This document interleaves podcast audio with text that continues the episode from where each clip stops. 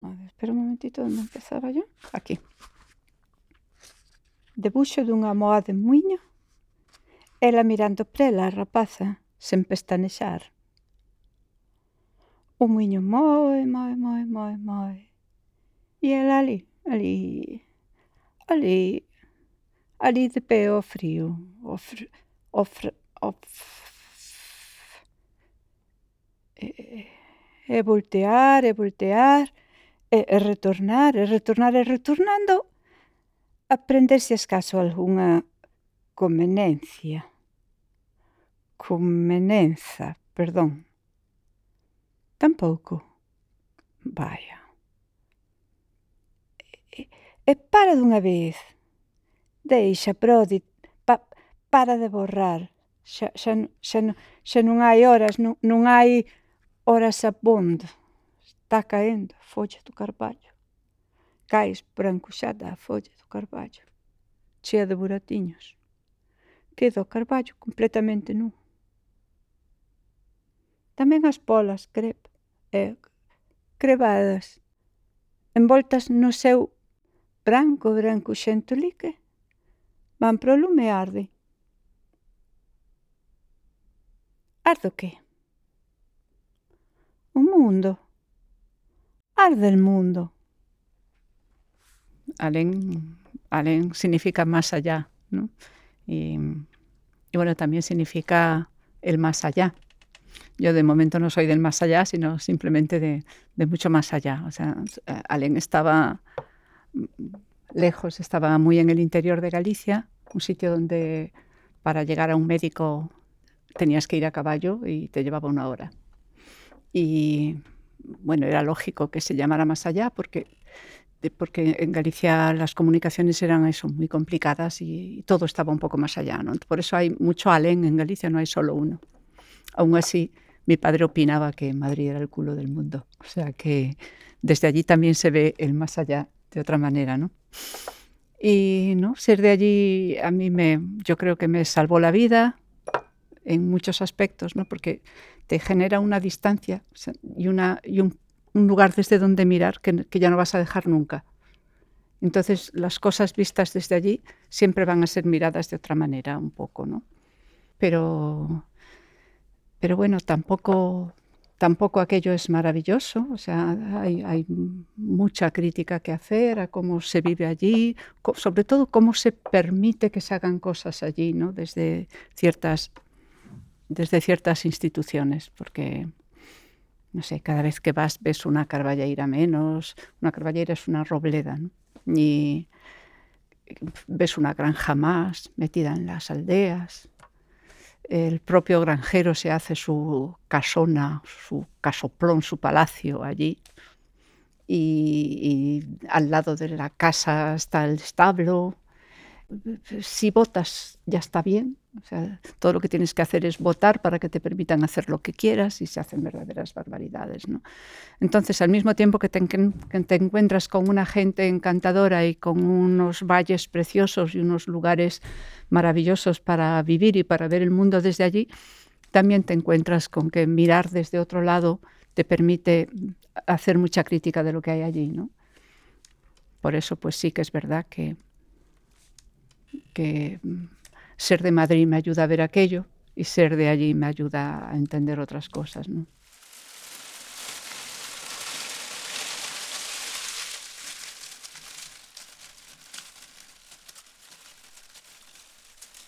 Pichel es poeta. Nació en 1947 en Alén, una aldea de Pontevedra donde vivió hasta los 12 años, y aprendió a hablar dentro de una lengua que podría morir pero no quiere.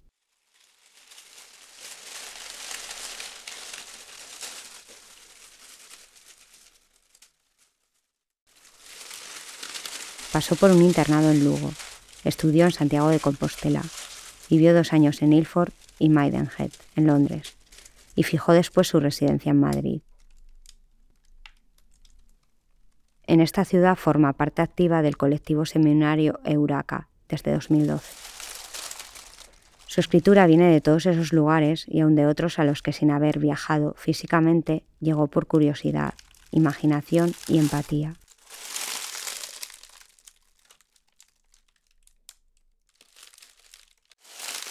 La tensión entre lenguas mayores y menores, la potencialidad liberadora de un uso no estabilizado ni folclorizante del dialecto, y la grieta de invención que abre en la memoria y la infancia son algunas de las vías que explora su poesía.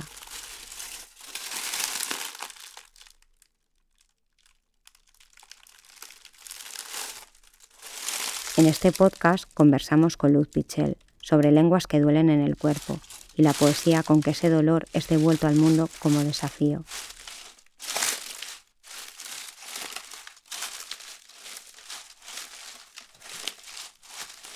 Entre la lectura de sus poemas y el relato en primera persona, reflexionamos sobre los márgenes de la voz y del idioma, el conflicto de clase que deja a la vista al castrapo, el peligro de dar voz a la sin voz la migración gallega y la condición desplazada de quien escribe.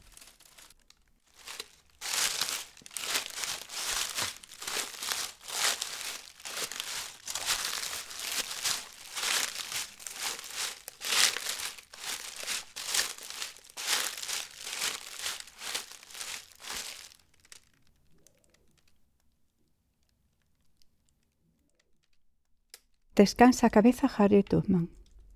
Pousa na vía do tren e dorme.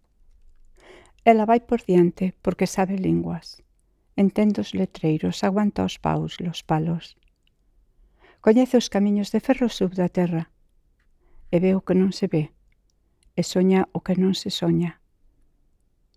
A Caronciño, a laberita de Harriet, as outras dormen todas sobre da vía. As viaxes sen retorno fanse longas. As fragas bosques meten moito medo. Meten medo os bichos e os extraperlistas. Alguns países están lonxe demais, quedan tan, tan lejos. Algunhas mañás, mañanas, non chegan nunca á estación dun tren. Non llegan nunca, nunca. Pasan na escuridade as cousas, semellan bultos, os que se moven cargando con sacos de liño lino ou cunha velliña ao lombo, unha viejecita sobre los hombros, semellan lobos na néboa niebla. Na man aberta, na man aberta, ten escrito a muller un verso con tinta de cor laranxa. A vía do tren Non é unha almofada xeitosa. Unha almohada agradable no é la vía del tren. O frío non permite acomodar as ideas en perigo, peligro. Durme e soña, dicía a mensaxe. O soño, canto máis fondo, máis lonxe te leva, máis lejos te transporta, extranxeiriña. Galicia es un país de migración, entonces, entonces pues mi familia emigró mucha gente, mi madre, dos hermanos, pero yo sufrí la emigración, aunque parezca que no se debiera decir así, porque parece que tiene que ser muchísimo más duro marcharte a Venezuela, por ejemplo, desde Galicia, para mí ir a las monjas con 12 años en una ciudad que era Lugo, eh, a un colegio pijo, yo creo que es el nombre ideal, ¿no? Para que se entienda rápidamente, donde iban todas las niñas monas de Lugo. Y yo venía con mi vestidito paleto y mi, manera de hablar, un, castellano mal hablado, que, no había hablado nunca y que por lo tanto lo, hablaba mal, y con aquellos pelos y... Pues eh, claro, yo era una extraña allí, pero era una extraña mm, cómica para los que me recibían, ¿no? Entonces, entonces pues te, pedían que hablaras para oírte hablar y sonrisitas y esas cosas, ¿no? Entonces, para mí aquello fue un verdadero destierro, porque además te ibas allí, pero tu familia no te iba a estar acompañando, porque tenían que estar en el campo trabajando a 80 kilómetros. Y tú veías a tu familia eh, pues cada trimestre. Y fue una experiencia dura, muy dura. Entonces, para mí aquello fue como... Yo desde allí entiendo la inmigración mucho mejor, porque realmente lo fue. Me acomodé pronto, como hacen los gallegos en Venezuela o como hacían, o supongo que como hacen otros hoy en Madrid o en Barcelona, ¿no? Pero, pero hay un comienzo que es muy duro, hay que pasar ahí una barrera muy fuerte y muy sola. O sea, una niña de 12 años, que yo creo que es un momento en que la, el sentimiento de, intimidad y de soledad se, acentúa, ¿no? Eh, fue duro. Y las monjas no ayudaban nada, evidentemente.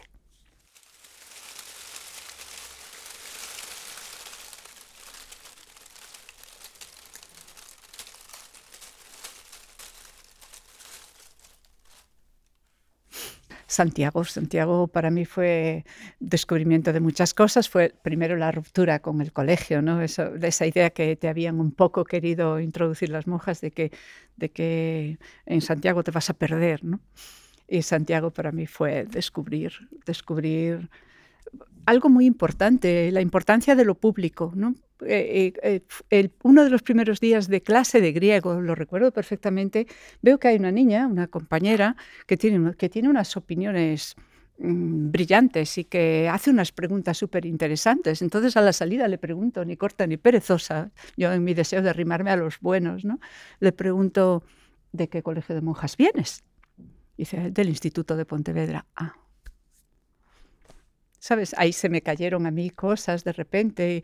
La verdad es que me llevó como muy poco tiempo pegar el salto de, porque yo era muy obediente, entonces en las monjas aprendí a ser buena a su manera, ¿no? Y, y, ahí corté muy rápido. Porque, bueno, fue ese caso, pero fueron otros muchos. Empecé a descubrir un mundo. Luego, pues aquello fue el 68, y el 68 fue una movida en, España, y, bueno, sabéis, ¿no? Pero, pero en Santiago fue fuerte también y, me enseñó muchísimo. Y bueno, hice unas amistades que, perduran. Que... Y de allí me vine a Madrid y en Madrid pues eh, mm, estuve muy encerrada durante mucho tiempo con los niños pequeños, a veces sin trabajo, luego trabajando. Eh, bueno, eh, mucho tiempo muy parada y con una vida un poco difícil. Y después vino también la liberación de todo aquello. Y y bueno, conocí, empecé a conocer a gente del mundo de la poesía muy interesante. Escribí muy tarde porque yo no, tenía ninguna confianza en que siendo yo aquella niña de aldea que se había ido a las monjas, eso te queda como que te marca de por vida, ¿no? El usar esa lengua y el, y haber nacido allí. Entonces, tú no, no, crees que tú puedas ser escritora o poeta o algo así, ¿no? Entonces, yo escribía, pero escribía para tirar lo que escribía o para guardarla en un cajón, y, pero nunca, no pensando en poder publicar. Y muy en secreto mandé mis primeros poemas así a algún concurso, a ver si me daban algo de dinero, porque entonces lo necesitaba mucho. Y dije, bueno, como no se entra nadie, lo voy a mandar. Y, sí, empecé por ahí. tuve suerte con una editorial, Torremozas, y luego con un premio y, por ahí empecé a, confiar un poquito en que podía.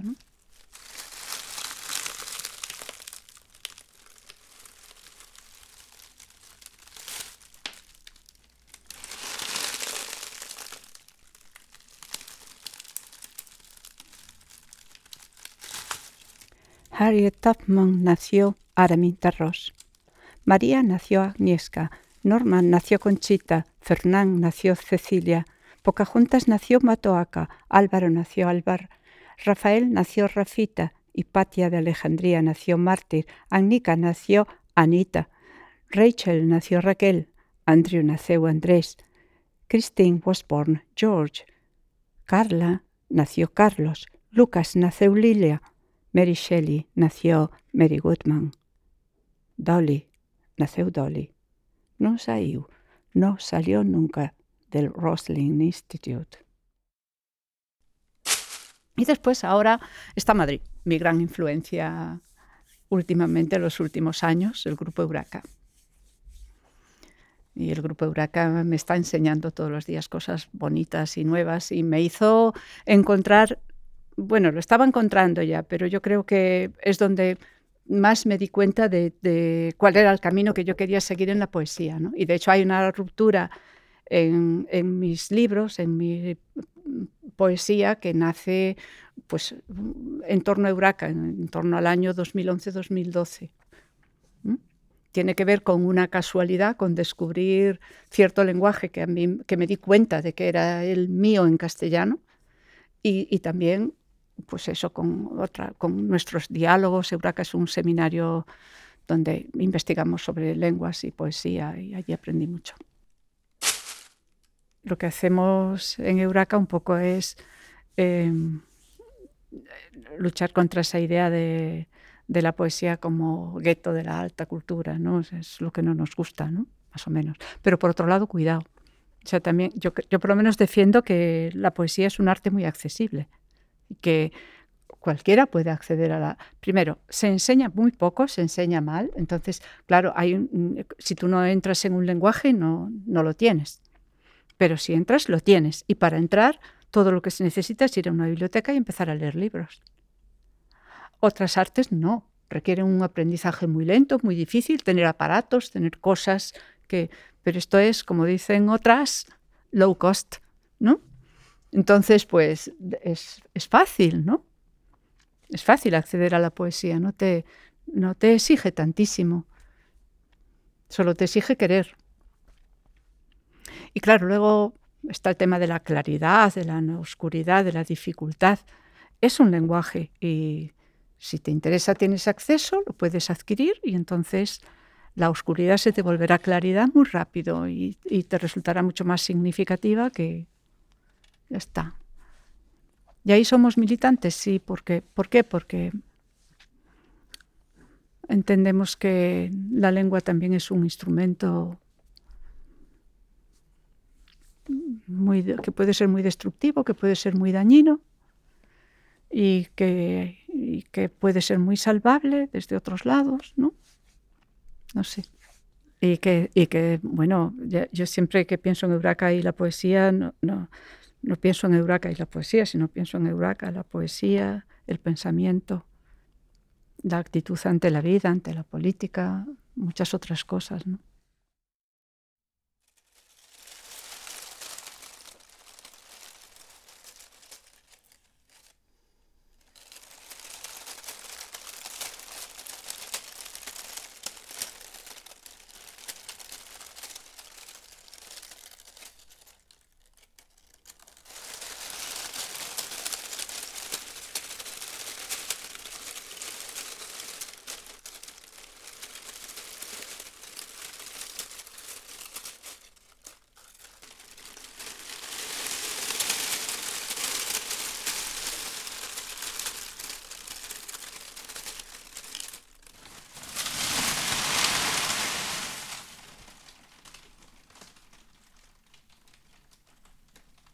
Yo no sabía que tenía una lengua hasta que esa lengua me dolió, hasta que descubres que las lenguas pueden doler.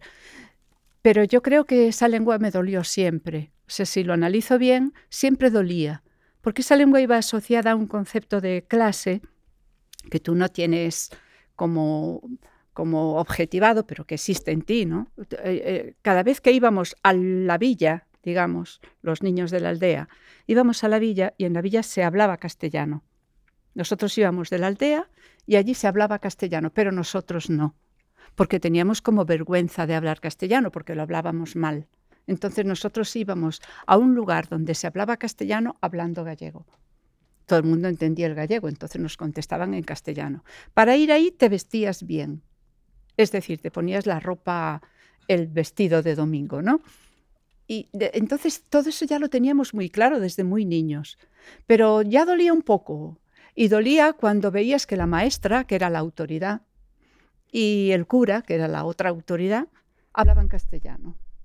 Y nosotros, los campesinos, los de abajo, hablábamos gallego. Entonces, eh, naces asociando tu lengua a un concepto de clase, pero todavía más o menos mm, nadie te ofende, simplemente hablan castellano y te demuestran de alguna forma que tú estás ahí, abajo, y nosotros estamos aquí arriba.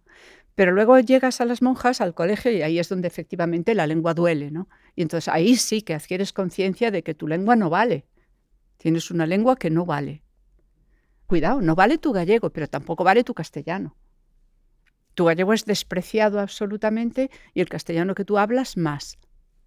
Y el espacio público en, en lugares como Galicia, donde de repente había una lengua ignorada que ahora se quiere hacer visible, ¿no? Hizo mucho daño, porque De hecho, tú vas por las aldeas y lo que se escucha es radio galega y lo que se ve es la televisión gallega. Y la norma ha sido, en este caso utilizo norma en el sentido corriente de la palabra, ¿no? la norma ha sido que la presentadora tenía que hablar neutro, es decir, no utilizar acento. Bueno, eh, copiando de lo que pasa con el castellano en realidad, ¿no? Entonces, ni acento ni fonética.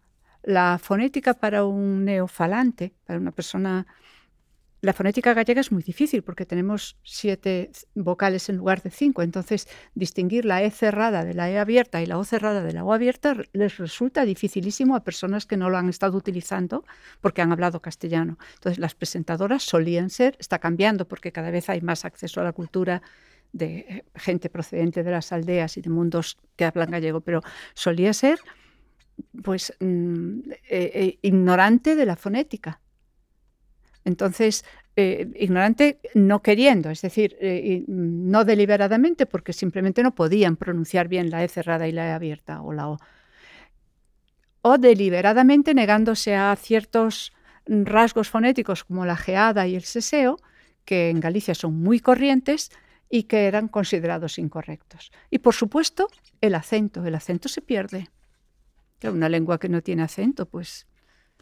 ¿no? Entonces, el dar voz ha sido quitar voz, quitarle aspectos importantísimos como la fonética o el, o el acento, ¿no?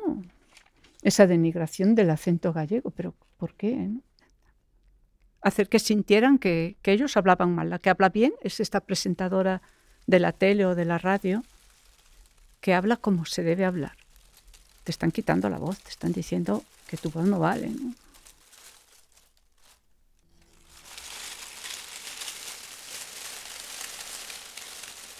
En, Galicia el gallego ha estado siempre asociado a, una clase social humilde, baja y, sobre todo ya no es humilde y baja, que eso eh, se puede hasta respetar muy bien, ¿no? Es a una clase social bruta, asilvestrada, o sea, es una lengua... Y fíjate que todas las reivindicaciones lingüísticas del gallego que se han ido haciendo y se han ido haciendo siempre desde esta idea de que, de que hay que convertir el gallego en una lengua digna, como si fuera indigna, ¿no? la, lengua que se hablaba. Esto se decía en, el Resurgimiento, en, el siglo XIX, se decía desde la, desde la filología y desde la cultura, y se decía en castellano.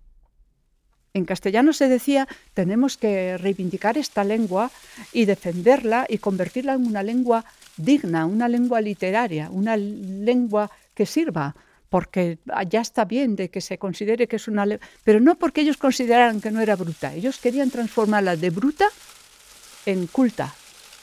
Su reivindicación del gallego era, de, era académica, era... Es muy curioso porque yo no sé si atreverme a decir esto en público, pero creo que se puede decir, ¿no? Murguía y Rosalía, ¿no? Casados, pareja. Murguía diciendo estas cosas.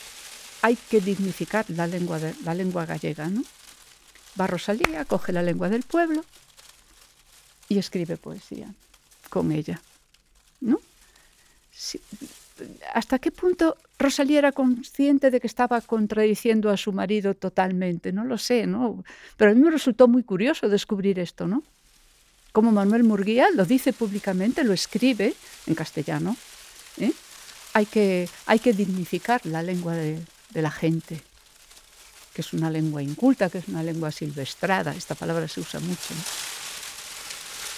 Va Rosalía y escribe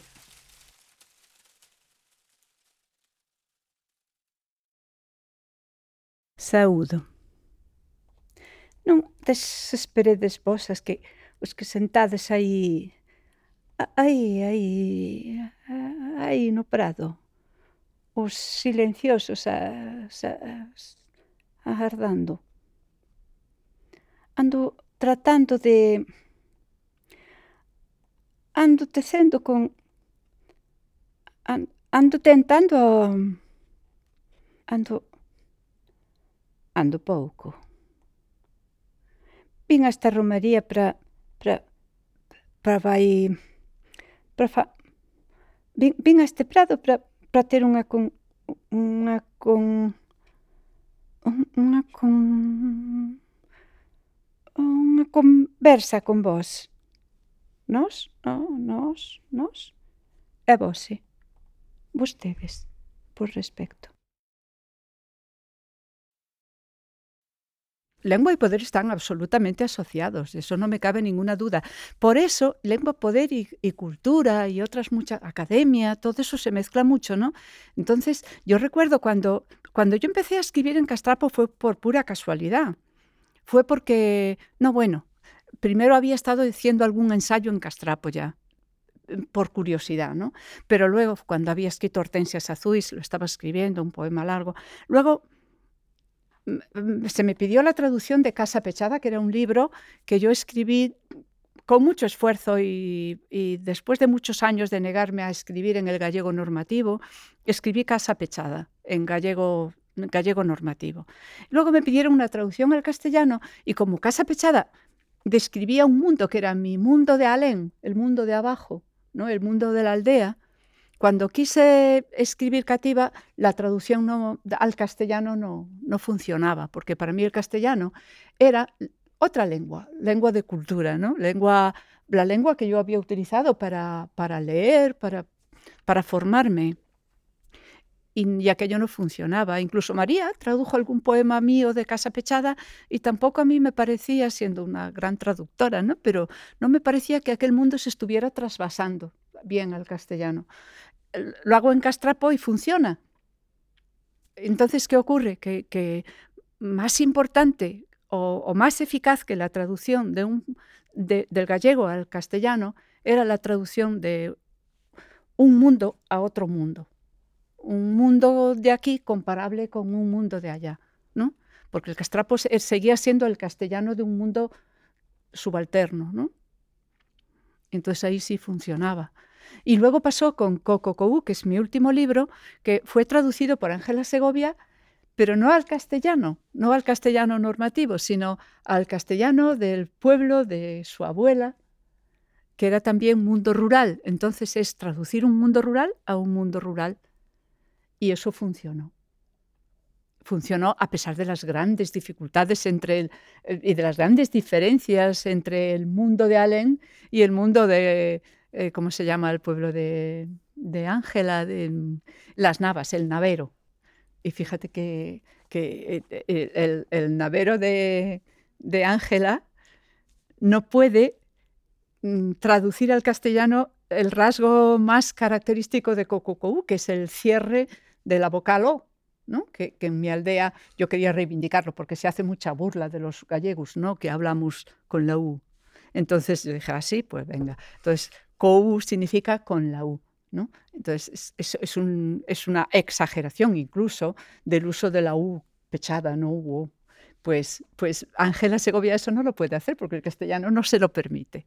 La tía se arregla para que sea verdad esa traducción sin tener ese recurso que es el fundamental. ¿no?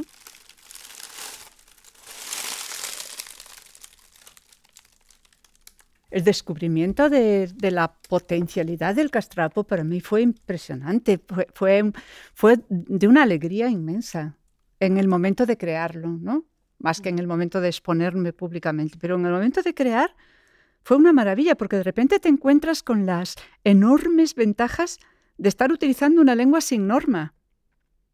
Es que es impresionante porque de repente como que podía hacer lo que me diera la gana, ¿no? Y inventarme todas las palabras que quisiera y todas las derivaciones que se me ocurrieran. Y todo estaba bien. No hay mal, no, no hay lengua mala, ¿no? Todo, todo, es, todo es posible. Entonces, claro, los, los, poemas de Casa Pechada, que eran poemitas así como muy cerraditos, ¿no? Muy bien hechitos, de repente se derramaban, se, se expandían, crecían por aquí, por allá. Y luego, como el castrapo utilizaba palabras que podían no entenderse y muchas palabras también en gallego, porque utiliza mucho léxico de frontera. O...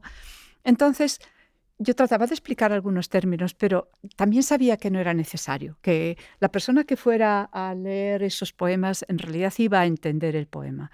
Entonces lo, lo, lo, volvía a jugar con las glosas explicando ciertos términos, o sea, las glosas eran pues eso, el desarrollo de un término, ¿no?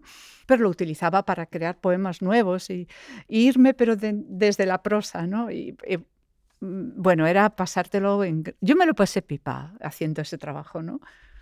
O sea, disfrutar, disfrutar de crear, como he disfrutado con Cativa en su lugar, con ningún otro libro. Bueno, Coco también me lo pasé muy bien.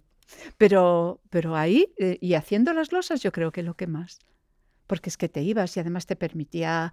Ah, fue muy bonito para mí, como, como creadora, el, el ver dónde estaba yo en relación con el año 2006. O sea, 2006 es Casa Pechada y en el 2012, seis años después, escribo Cativa en su lugar.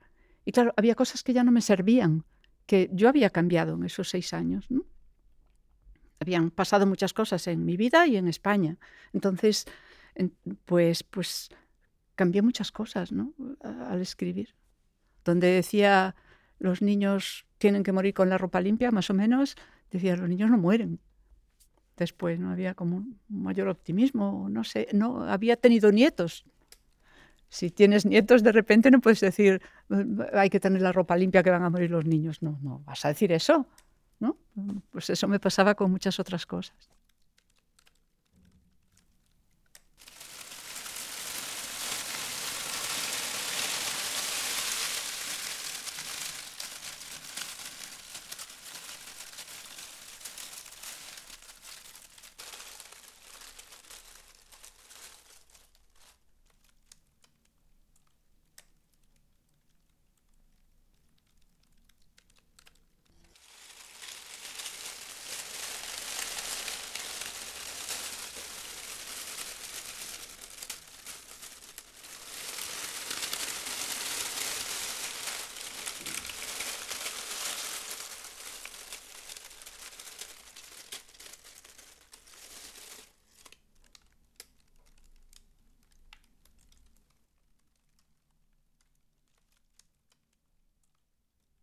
Lo que se ve mirando. Miro a ver qué se ve por el postigo de la puerta de las marionetas, a ver qué se escucha. Y vense las nueces en el nojal, la hierba en el prado, la tapa del pozo negro a ras del suelo, la risa que no para de cativa, una planta silvestre, cativa toda sucia, una maravilla, la raíz en las aguas negras, la risa retornada de Cativa, Cativa requemada del sol, una maravilla de color naranja a la vera del pozo negro. La risa, un laurel pequeñito entre las piedras. Cativa, una malva escapada de la guadaña, buena para dormir. La risa de Cativa, Cativa sobre la tapa del pozo negro, un caballo al galope por el cielo, adelante camino del fin da tierra. Cativa toda sucia, requemada del sol, la risa suya, Cativa, que mátase con la risa mirando brincar una gallina descabezada. Paréceme que todo queda puesto en su sitio. Ya me puedo marchar. A ver, es, cativa es muchas cosas, ¿no? Puede parecer que, primero, que el título remite a varios significados, ¿no? Cativa también significa cautiva en su lugar, y eso es muy biográfico, o sea, yo de alguna manera estoy atada a ese sitio. Em, estuve atada eh, en ese sitio durante 12 años, yo no salí de allí. Lo más que hacía era andar 10 kilómetros para ir al dentista. Y mm, Cativa es también pequeña, o sea, cosa un poquito despreciable, ¿no? Entonces Cativa también es la lengua en ese sentido, es lo que no vale, ¿no? En Galicia se llamaba cativos a los niños, también es una niña, Pero cativo es cariñoso con los niños, pero también es despectivo. Va, los cativos, ¿no? Los niños allí abundaban, podías tener 19 hijos, 12, 7 éramos en mi casa. Entonces los cativos son molestos, ¿no? O sea, es, un poco, tiene, tiene un rasgo cariñoso, pero también un sesgo despectivo. Y, y bueno, Cativa es una niña, ¿no? Entonces ahí hay un, no sé, para mí quizás desde el punto de vista biográfico, porque hay algo de biográfico en Cativa, evidente, pero quizás lo más interesante es un poco la presencia del niño en el adulto, ¿no? Lo que, lo que siempre la, visión desde la niña que llevas dentro, ¿no? Que, mira de otra manera las cosas y que me gusta, ¿no? siempre es algo a lo que a lo que pienso que se puede acudir para liberarte de, de muchas cosas, ¿no? Mirar desde esa inocencia o, intentarla, por lo menos, ¿no? Y Cativa es una chica, de, por otro lado, que ya no está cativa en absoluto. Quiero decir que, se ha liberado mucho de todo eso. A lo largo del libro como que se va deshaciendo de ataduras y, y yo creo que incluso el lenguaje que utiliza le da ese poder, ¿no? Es, ese poder con respecto a sí misma, ¿no? de decir, ahora soy más libre hay un poema final en que Cativa se va por los aires a donde le da la gana, ¿no? Pues es un poco eso, esa sensación de que la lengua también te ata, te condena, pero también te puede liberar. Yo sé que Cativa fue bien recibido en algunos sitios y horriblemente mal recibido en otros. He, recibido alguna comunicación incluso de gente amiga mía que me dicen, no pienso ni abrirlo. Así, ¿eh? No pienso ni abrirlo. Ya está bien de todo lo que hemos luchado aquí en Galicia por defender el gallego y por defender la cultura y no sé qué, todo nuestro esfuerzo por dignificar la lengua, otra vez salía eso, ¿no? Todo nuestro esfuerzo por dignificar la lengua y ahora vienes tú con el uso del castrapo. Serás la primera y la última poeta que utilice el castrapo. Frases así de duras, ¿eh? Pero es que no es solo eso, es que hay cantidad de poetas muy, muy reconocidos en Galicia que yo sé que no lo leerían y que probablemente no lo hayan leído y se nieguen. No ya que le hagan crítica, que también, sino que, que, que se nieguen. Pero bueno, como que bien está, ¿no? Eso es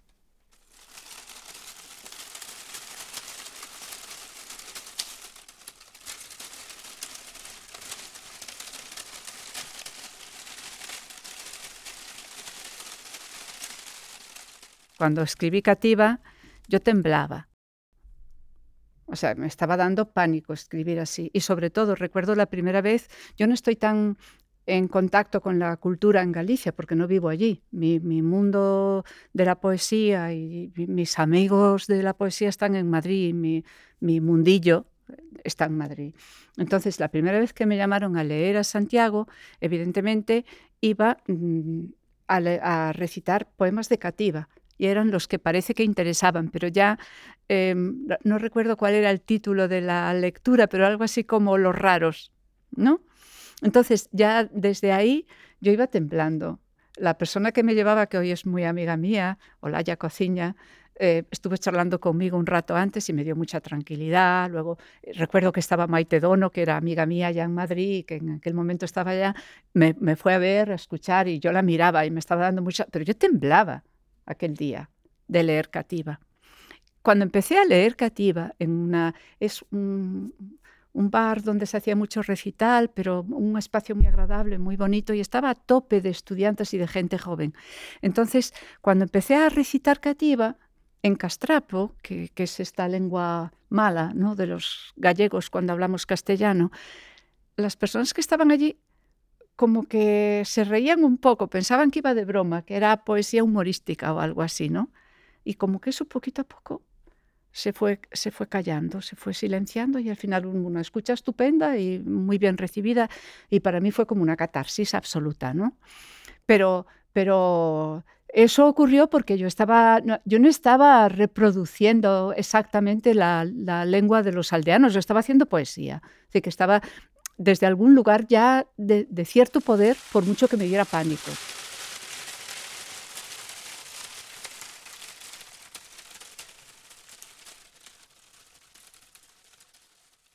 Si Juan Ramón Jiménez se permitía utilizar la J en lugar de la G porque le daba la gana, es porque podía. Es decir, ahí había una situación de poder. Y si yo intento escribir en castrapo, también lo hago desde cierta, o sea, no nos vamos a engañar, o sea, lo estoy haciendo desde la poesía y desde cierta situación de poder. Y luego, cuando represento aquel mundo, también sé que es mentira, es decir, estoy con un ojo allí y otro ojo en otros lados. Entonces, eh, a, veces, a veces aquel mundo es una excusa para hablar de otras muchas cosas, es decir, me sirve como, como, no sé, como punto que, dispara otras, otras ideas, ¿no? Pero eh, sé que es falso, pero por otro lado, el tener claro lo que fue aquel mundo también me ayuda a, como a desde luego a, verme a mí misma y a, ver lo que pasa hoy en muchos otros sitios, a descubrir cosas muy valiosas en aquel mundo de miserias. ¿eh? En aquel mundo había cosas maravillosas que se han perdido y que se pueden recuperar. ¿no? Y había otras que no deseo a nadie, pero que me ayudan a comprender a la gente que hoy en otros puntos de la geografía las está viviendo. Pero vamos, desde luego creo que lo que, no quiero hacer es idealizar porque, no es. Pero es un problema no en la escritura, es un problema en mí. O sea, yo cuando veo, eh, en, el libro que estoy haciendo hay un momento en que en un verso digo algo así como arreglaron la escuela, la restauraron y ha quedado muy bonita. No sirve para nada, pero está perfecta para un recital. Es decir, a mí lo que me gustaría es que en aquella escuela se hicieran recitales de poesía, por ejemplo.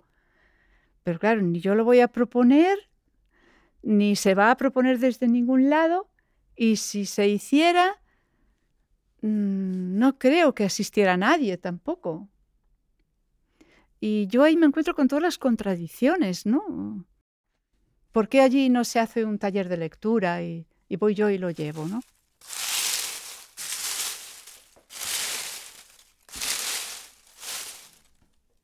Poética. Quiere la gallina poner, pero no da. Nada. Todo el día en el nido para poner un huevo. Todo el año, pero no pone. A la una de la tarde mira a ver qué hay y ve una poca paja. A las cinco mira otra vez y ve una piedra.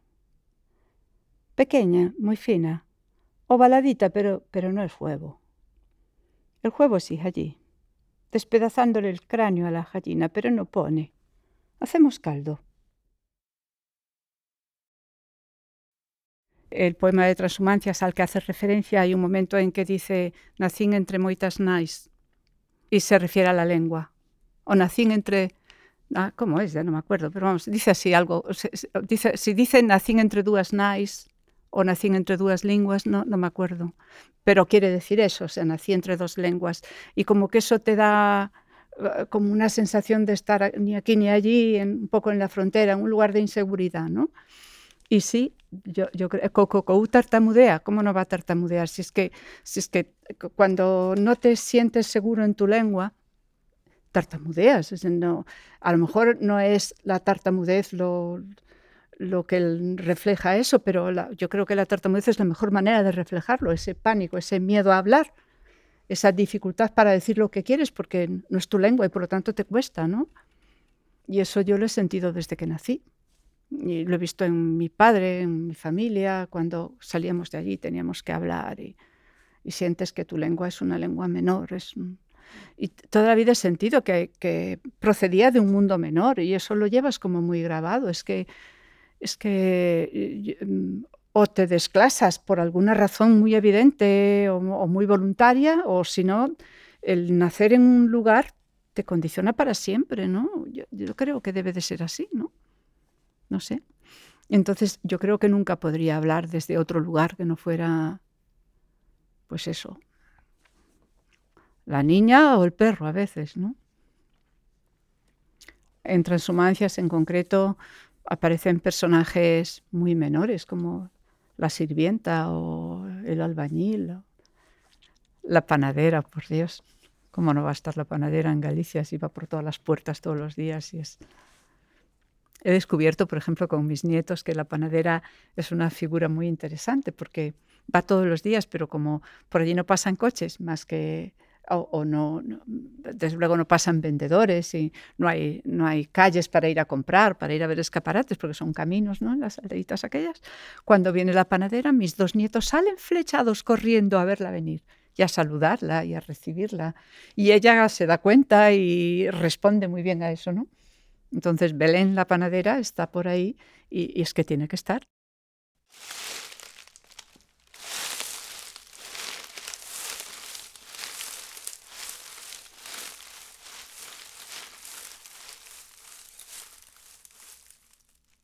Memoria y nostalgia. A ver, eh, mm, yo creo que no se niegan, ¿no? pero son cosas totalmente distintas. Eh, Yo creo que la, memoria puede interesar siempre, la nostalgia no, yo creo que no le interesa a nadie, o no sé, tampoco se puede decir eso, pero mm, la nostalgia de lo que es la, la anécdota vivida por ti, la nostalgia de otros mundos puede interesar, porque puede ser creativa, es decir, te puede llevar a conocer esos mundos y de ahí salir a otras cosas, ¿no? Pero la nostalgia de las pequeñas cosas vividas, ¿no? Un amor perdido, cosas así, ¿no? Yo creo que eso no, no, no genera nada, ¿no? O, genera muy poco, ¿no? La nostalgia de, de qué? ¿De mi vida en la aldea? Pues no, porque no fue bonita tampoco, era muy dura, era, no, era, no, no, no la puedo vivir como algo... Yo también tenía muy claro cuando llegué a las monjas que aquello me abría a otro mundo que iba a ser mejor.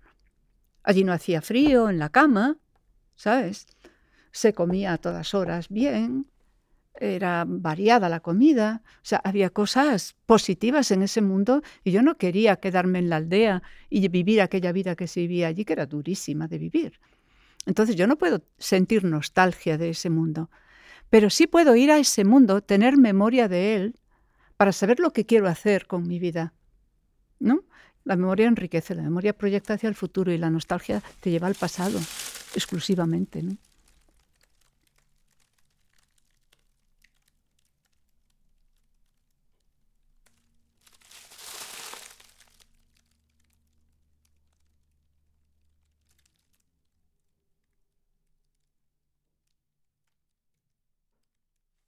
Se titula Desperdicios y tiene que ver con mm, una petición de poema que me hicieron, un encargo, para acompañar unas mm, fotos de una fotógrafa americana conocida que se llama Elena del Rivero, que a propósito de la destrucción de las Torres Gemelas, eh, a ella también le afectó, tenía su estudio de fotografía muy cerca y le que- quedó destrozado. Entonces ella pues intervino una serie de fotos que hizo de aquel momento y esas fotos van a ser publicadas ahora en Madrid en los chirimbolos estos de la calle, no sé de qué manera, me pidieron un texto para acompañar esas fotos. Y son fotos que hablan pues de destrucción, hay una máquina de escribir tirada en medio de una basura, hay eh, papeles pinchados en la pared que podían haber sido fotografías y que están hechos cucuruchos que caen, mm, una silla de, escritorio tapada con una manta, una serie de objetos que van a salir por aquí y que tienen que ver con esas fotografías. Eso por una parte. Y por otra parte, el texto también está escrito a la manera de, de Hejinian, que es esta poeta language americana que escribe de una manera que a mí me pareció que era maravillosa manera de contar y hacer poesía a la vez, entre el relato y el poema, y me parece que es muy bonita. Entonces, es un- una respuesta, un agradecimiento a ese libro que he conocido y que me parece maravilloso. Desperdicios. Cuando los niños de los carros desconocían la magia de una cámara de fotos, pero escuchaban su sonido con devoción, su clic.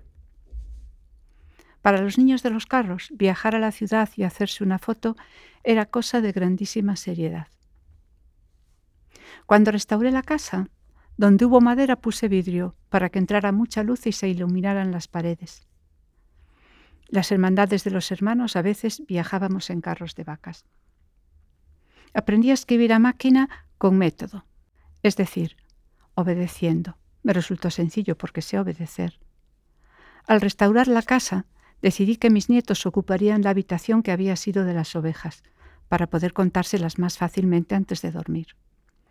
Una foto en una pared clavada, con una chincheta chiquita, se puede ir plegando sobre sí misma en forma de cucurucho, en forma de triángulo. Sobre jergones de hoja de mazaroca, las hermandades de los niños aprendíamos a obedecer. Los niños de los carros, cuando por fin conocimos el cine, confundíamos las películas del oeste con los cuentos del papá de la guerra civil. En esa foto tan seria, la mamá era la única que no tenía piernas porque entró tarde al marco. No me encanta abrir la caja de madera de las fotos de mamá y papá. Da pena no haber sabido nunca quiénes eran esos señores o aquellos niños. Da pena que tantas cosas se hayan quedado sin hablar. A los que aprendimos la caligrafía con pizarra y pizarrín, nos gusta escribir con materiales de escombrera. Durante un tiempo largo conviví con personas que ejercieron poder sobre mí. Me resultó sencillo porque sé obedecer. Como era algo muy serio, también era algo muy falso. Los niños de los carros no vestían traje y corbata si no era para hacerse una foto. Por las puertas de vidrio de la casa entra una claridad tan fuerte que a veces ciega un poco. Nunca me gustó colgar en las paredes fotos que puedan caerse algún día. Una mujer sin piernas es una madre. A la hora de la siesta, cuando los padres dormían, los niños de la foto iban a bañarse al río y se morían de risa. Aprendí a escribir a máquina con las dos manos, con los diez dedos, con la espalda derecha y los codos a la altura del teclado. Esa parte del aprendizaje fue difícil porque mi cuerpo, todavía joven, andaba un poquito combado de tanto obedecer. Las niñas de los carros nos bañábamos en otro lugar del río para que no nos vieran los niños. En esa foto seria, la mamá es la única que sonríe porque había aprendido a sonreír para las fotos allá en Barquisimeto. Las fotos que se caen dejan una marca en la pared, abren un hueco.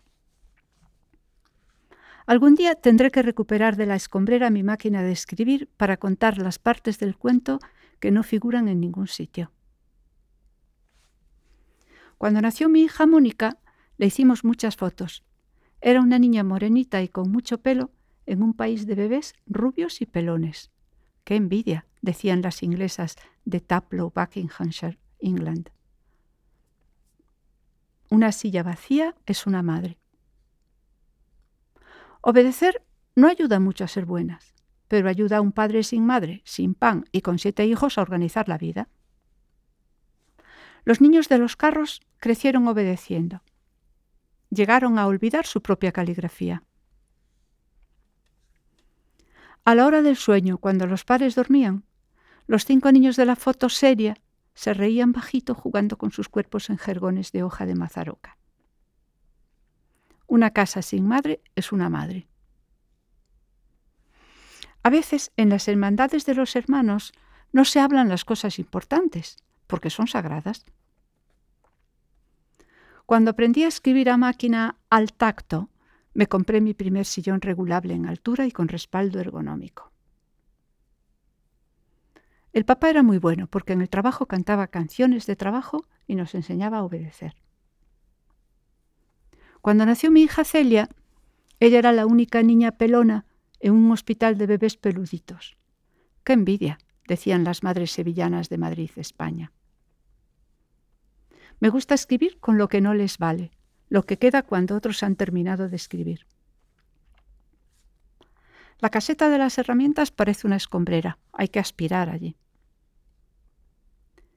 Desde la habitación de las niñas se oye a los niños en su cuarto cómo se mueren de risa. Al restaurar la casa, decidí que la parte donde dormían los animalitos sería la parte donde dormirían mis nietos, para que en sueños pudiesen conversar con vacas. Algunas fotos se fijan en las paredes y no se caen nunca. Eso a veces alegra de una, la cara de una mujer mayor cuando se da la vuelta. A veces es muy triste. A las espaldas de las niñas cosechadoras de patatas les ocurre que se coman y ya no se enderezan más. Ergonómico contiene económico y contiene gnómico. La caseta de las herramientas no es una escombrera, hay que aspirar a ordenarla todavía. En el corcho colgamos los dibujos de los niños, pero no quiero que se hagan un cucurucho y se caigan. Una casa contiene una hermandad de hermanos de leche o hermanos de vida. A los niños de los carros Se les iba combando la espalda, pero acompañaban el trabajo con canciones. Tuve la incomodidad del taburete medio roto, incluso de la dura piedra, pero reconocía el orden de las cosas. Las patatas se siembran con la luna de marzo. Tuve después mi sillón confortable. Los niños de los carros aprendíamos a obedecer y a no perder el tiempo. Lo que queda cuando otros han terminado de escribir es pura paja. Casi siempre se me hace muy raro usar un ordenador para escribir con desperdicios, pero no lo evito porque me gusta poder borrar y escribir encima y no perder el tiempo. La caseta de las herramientas parece una escombrera.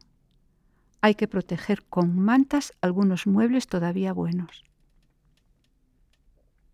De esa parte de la historia, de cómo se iban combando los niños de los carros, no quedan fotos en la casa ni serias ni alegres.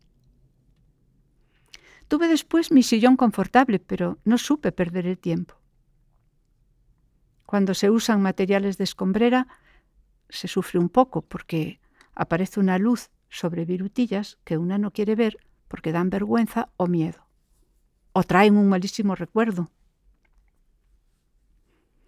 En la caseta de las herramientas es difícil mover los muebles para poner orden. Crujen al moverlos, pesan y se organiza mucho jaleo. Una vez alguien me tapó la boca con este pañuelo. Ya sabemos que tú de pequeña eras pobre. La foto tardó todavía unos años en caerse de la pared. Yo no la retiré porque soy obediente. Se cayó sola. Eliges escribir con pura paja porque es ahí donde elige dormir el animal. Eliges escribir con pura paja para aprender a desobedecer. Los niños que conducen tractores por los caminos desconocen los nombres de los carros y de las partes de los carros. Una vez que has aprendido a obedecer, la obediencia se te queda pegada en la cabeza como tierra, en el cuerpo entero, y te constituye. Si duermes en jergones de hoja de mazaroca con tus cinco hermanos chicos, aprendes a obedecer de manera natural porque tienes que ocupar muy poquito espacio. Ahora tengo un sillón ergonómico, pero me cuesta escribir entre tanto desorden y ese desorden además me preocupa un poco. Económico tiene algo de pobre, pero no es lo mismo. La palabra pobre puede ofender a un pobre o no. Las dos hermanas chicas dormíamos a nuestras anchas en un jergón solo para dos. Las obedientes nos perdemos algunas cosas muy importantes de la vida. Lo descubrimos al mirar hacia atrás. Sobre las palabras de desecho, cuando se pone el foco, aparece una luz y te puede cegar, cuidado. A los niños que conducen tractores les gusta mucho conducir tractores, seguramente tanto como a sus padres les gustaba conducir un carro bien cargado de mazorcas de maíz o del trigo alegre de los trigales. No es sencillo aprender a desobedecer. Va siendo hora de explicar aquí que mazaroca es lo mismo que mazorca, pero suena mejor. Sonará mejor. Las niñas del cuarto de las niñas escuchan detrás de la puerta de los niños cómo los niños dicen tonterías y se ríen. Una hermana mayor que hace de madre es una madre. Me preocupa tantísimo jaleo, me preocupa bastante. A todo el mundo le preocupa eso, es normal. Los niños de los tractores olvidaron la canción maravillosa de los carros. Las obedientes nos vamos a morir sin haber hablado muchísimas cosas importantes.